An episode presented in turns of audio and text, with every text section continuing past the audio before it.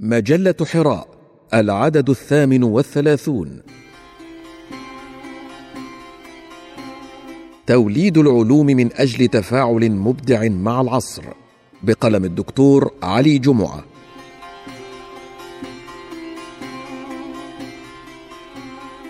حضارة المسلمين قامت على العلم ووضع المسلمون الأوائل علوما خادمة لمحور حضارتهم وهو النص الشريف. التزموا بهذا المحور وخدموه وانطلقوا منه وجعلوه معيارا للقبول والرد والتقويم. وأخذ المسلمون يخترعون العلوم اختراعا وينقلون منها عن الأمم السابقة ما يمكنهم من فهم الحقيقة وإدراك الواقع ونفس الأمر. ويصنفونها ويبلغونها لمن بعدهم ولمن بجوارهم.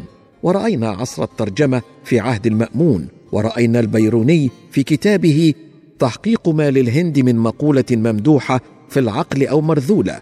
ورأينا الخوارزمي في كتابه مفتاح العلوم وهو الذي يرسم لنا الذهنية والعلمية في التاريخ الإسلامي ويرصد ذلك التنوع من ناحية والتفاعل من ناحية أخرى. وهما الصفتان المجمع عليهما لكل من اطلع على التراث الإسلامي ونتاجه الفكري.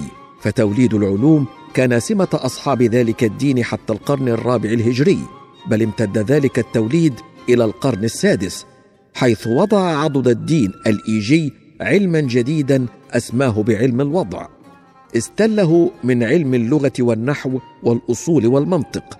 عالج فيه أهم ما عالج قضية المصطلح التي تعد من أهم القضايا العلمية حتى يومنا هذا حيث تعد ضابطا علميا للحفاظ على لغة العلم والتفاهم بين الجماعة العلمية بما يضمن أمرين أولهما هو نقل العلم لمن بعدنا وثانيهما هو تطوير العلم بصورة مضطردة مستمرة ومنضبطة في نفس الوقت. ثم خبا هذا التوليد وانشغل العلماء بتكرار الموروث والحفاظ عليه من الضياع كرد فعل لما حدث في القرن السابع من غزو التتار وسقوط بغداد في عام 656 للهجرة. ودعا محمد رشيد رضا في مجلة المنار إلى إحداث علم جديد يدرس السنن الإلهية التي وردت بالقرآن الكريم ولم يتم ذلك حتى بعد مضي أكثر من مئة عام على تلك الدعوة. فلا بد علينا أن ندرك أن توليد العلوم نوع من أنواع مظاهر حياة الفكر وأنه لم يمت وهو أيضا مظهر من مظاهر التفاعل مع العصر الذي نعيشه. وهو ثالثا الجسر الذي يصل بين الشرع وبين الواقع المحيط. ويسأل كثير من المخلصين عن كيفية توليد العلوم وهي تحتاج إلى قدرة التصور المبدع وهي التي قد لا توجد عند كثير ممن اشتغل بنقل العلم والحفاظ عليه.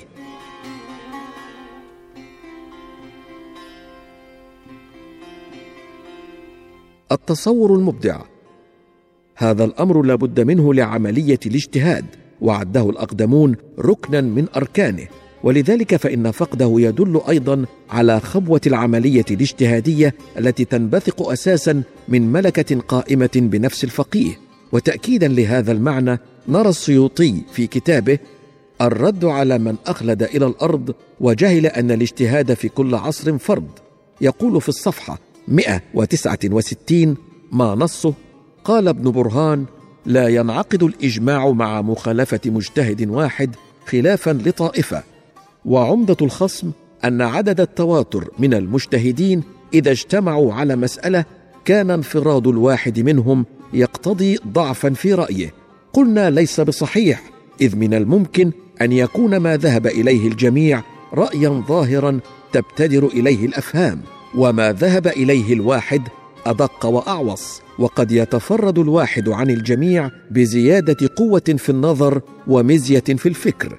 ولهذا يكون في كل عصر مقدم في العلم يفرع المسائل ويولد الغرائب.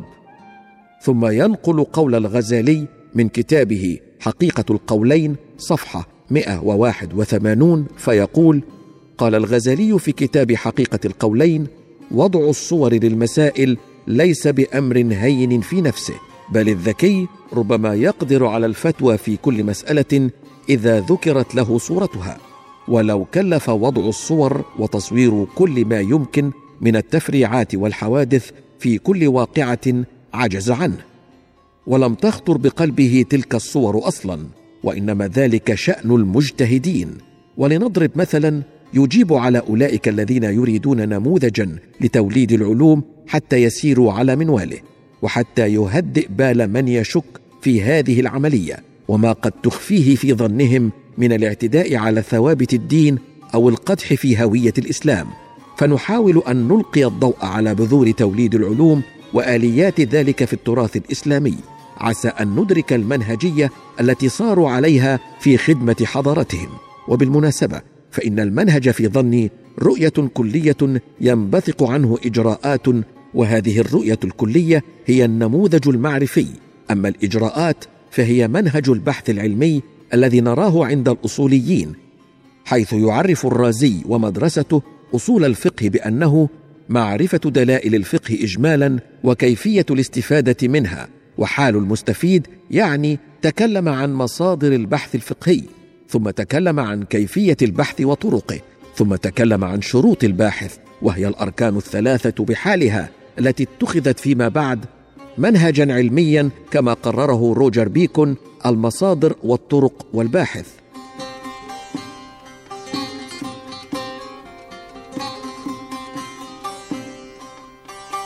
الدين والعلم. وقبل أن نخوض في آليات توليد العلوم يجب علينا أن ندرك بعض الحقائق عن موقف الدين من العلم. لا نقول إن الإسلام دين العلم فحسب بل نرى موقفه من البحث العلمي. حيث أرى أنه لا حرج ولا قيد مطلقا على البحث العلمي فليبحث من شاء فيما شاء وليحاول أن يدرك حقيقة العالم كما شاء ويكشف عن خلق الله في كونه كما يريد وأن ذلك ضمانة للإبداع وهذا مؤسس على أن الله قد أنزل أول ما أنزل اقرأ باسم ربك الذي خلق خلق الإنسان من علق اقرأ وربك الأكرم الذي علم بالقلم. سورة العلق الآية من واحد إلى أربعة. وذكر أن القراءة الأولى في الوجود والثانية في الوحي وأنهما قد صدرا عن الله سبحانه وتعالى. الأولى من عالم الخلق والثانية من عالم الأمر. ألا له الخلق والأمر تبارك الله رب العالمين. سورة الأعراف الآية الرابعة والخمسون. وعلى هذا فلا نهاية لإدراك الكون حيث أنه يمثل الحقيقة لأنه من عند الله ولا نهاية لإدراك الوحي. قال رسول الله صلى الله عليه وسلم لا تنتهي عجائبه ولا يخلق من كثرة الرد أخرجه الترمذي. وأيضا لا تعارض بينهما حيث أن كلا من عند الله وهذا التأسيس يتأكد في قوله تعالى على صفة الإطلاق هل يستوي الذين يعلمون والذين لا يعلمون؟ إنما يتذكر أولو الألباب. سورة الزمر الآية التاسعة.